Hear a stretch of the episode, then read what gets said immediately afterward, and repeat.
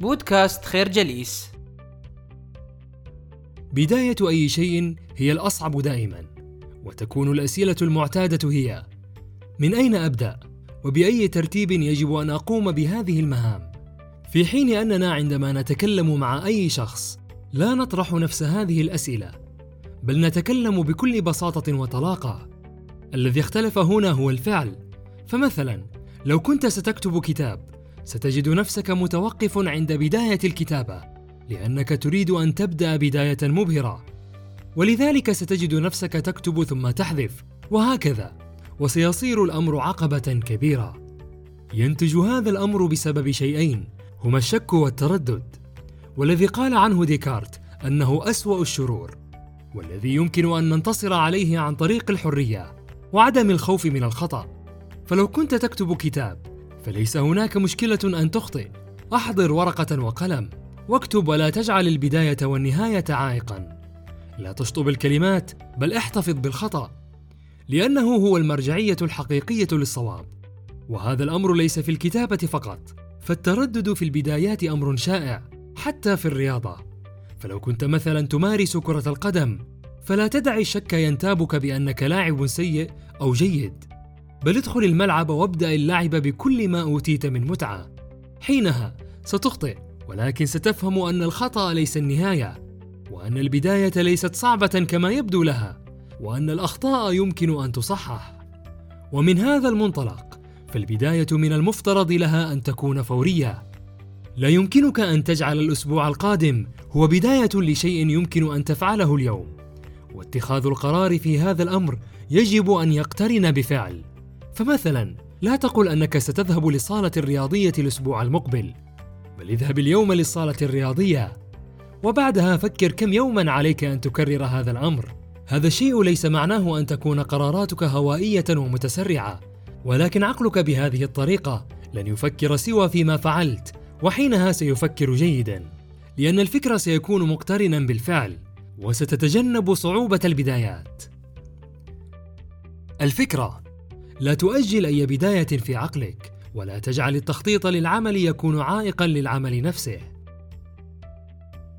من ضمن المتلازمات الغريبة لدى البشر هي متلازمة وهم الخبير حيث يشعر الشخص أن كل ما يمكنه فعله بسهولة يمكن للآخرين أن يفعلوه بنفس السهولة.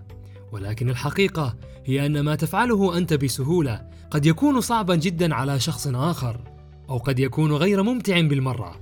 فمثلا أساتذة الأدب يعتقدون أن القراءة شيء ممتع وسهل وغاية في الجمال، في حين أن المحاسب يجد أن تنسيق صفحة كاملة من الأرقام المبعثرة أسهل بكثير من قراءة كتاب كامل، وعلى العكس يوجد وهم آخر يدعى وهم المبتدئ، حيث يظن البعض أنه من السهل جدا حل مسألة رياضية معقدة في 30 ثانية لمجرد أنهم شاهدوا شخصا ما يفعل ذلك، أو المشي على الحبل بين جبلين هو أمر سهل وفقط يحتاج إلى تدريب.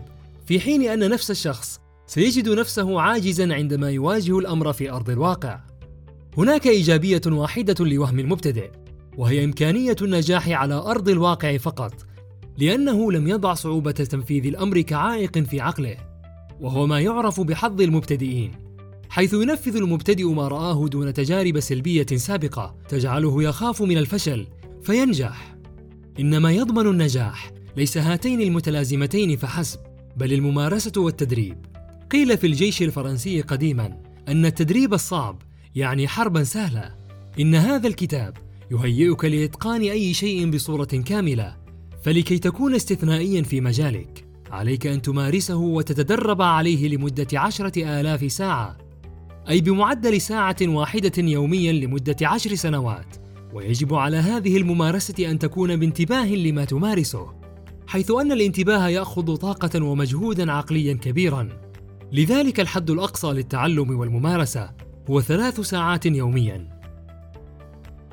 الفكرة التدريب والسعي المستمر هو الذي يجعلك استثنائيا فيما تفعل.